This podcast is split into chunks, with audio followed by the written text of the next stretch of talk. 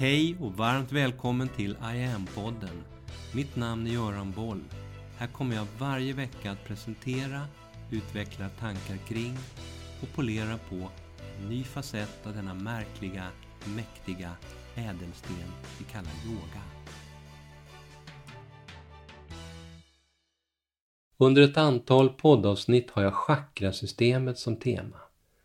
Ett förslag till dig är att den här lilla miniserien som går från avsnittet Chakra, vad är det?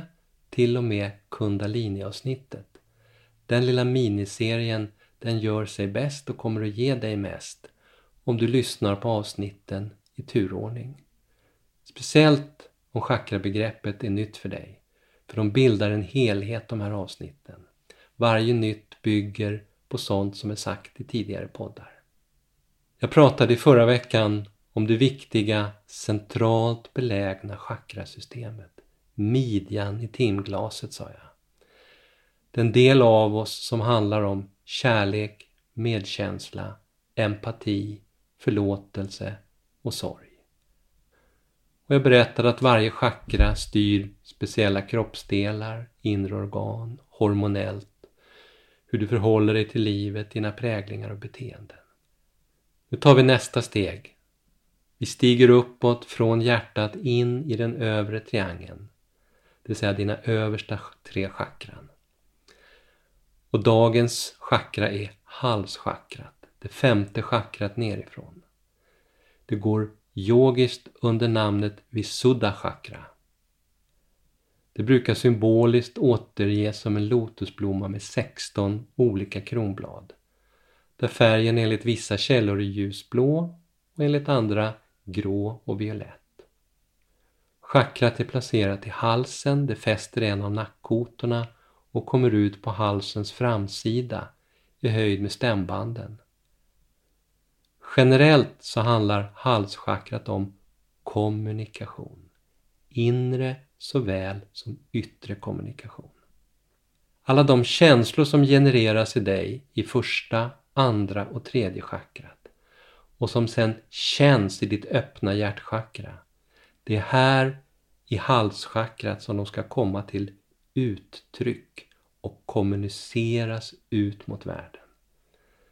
Men också inåt till dig själv.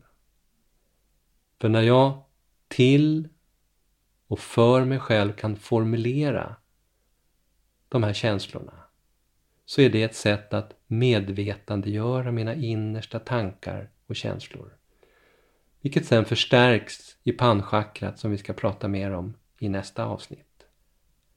När jag låter bli att uttrycka, när jag stänger av, så biter jag istället ihop och skapar bokstavligt talat en massa spänningar i käkar, tinningar, muskler i nacke, hals och axlar. Från ett yogiskt perspektiv så är det inget konstigt alls med att det idag skrivs ut 55 000 nya bettskenor varje år i Sverige. Eller att sköldkörtelobalanserna ökar dramatiskt, speciellt bland unga. En halv miljon svenskar har sköldkörtelproblem av något slag idag. Yogiskt så handlar det om att vi inte förmår att ge uttryck för allt det jobbiga som vi upplever, som vi har och som vi känner inom oss. Geografin, halschakras region, är från nyckelbenen och uppåt. Det är axlarnas ovansidor, det är nacken med sina sju halskotor, det är hals, det är käkar, det är mun och det är öron. Det vill säga, det är här du kommunicerar. Just nu pratar jag med min mun och du lyssnar med dina öron. Allt det här innebär yogiskt sett att sånt som ont i halsen, heshet, nackproblem, stela axlar, hörselproblematik, tinnitus med mera, tandgnisslan och sköldkörtelsjukdomar är sånt vi kopplar till halschakrat. Hormonellt så är det sköldkörteln och bisköldkörteln som vi kopplar till halschakrat. Sköldkörteln styr ämnesomsättningen på cellnivå och bisköldkörteln reglerar halten av kalcium i blodet.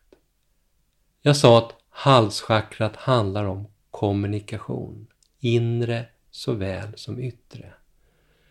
Den yttre handlar om att och hur jag kommunicerar med omvärlden. Hur jag förmedlar mina tankar, idéer och känslor till de som finns omkring mig. Att hålla igen och aldrig säga något, det är en form av halschakra-obalans. Men även det motsatta, att aldrig sluta prata, det vi ibland kallar mundiarré, pladder, det är också en form av obalans i halschakrat. Den inre kommunikationen handlar om hur jag pratar och på andra sätt kommunicerar med, till och om mig själv. Det vi kallar självpratet. Hur jag tänker om mig själv. Är jag snäll mot mig själv? Ler jag uppskattande mot mig själv i spegeln och säger Hello baby, how you doing? Lyfter jag mig själv varje dag? Eller tar jag varje chans att hugga mig själv i stycken vid minsta felsteg? Allt det här, det är halschakra-relaterat. Precis som med de andra chakrarna så har vi språket olika återkommande begrepp som vi känner igen. Och när det gäller halschakrat så har vi uttryck som Jag har det på tungan. Orden fastnade, det stockade sig i halsen. Jag är min egen värsta fiende. Och så lite mer drastiskt, ja men bit ihop nu då för fan. Det där är sånt vi känner igen och hör om och om igen. I yogan jobbar vi bland annat med djupandning, skulderrullning, flera olika typer av nackövningar, käk, stretch och mantrasång för att komma åt, skapa balans och flöde i halschakrat.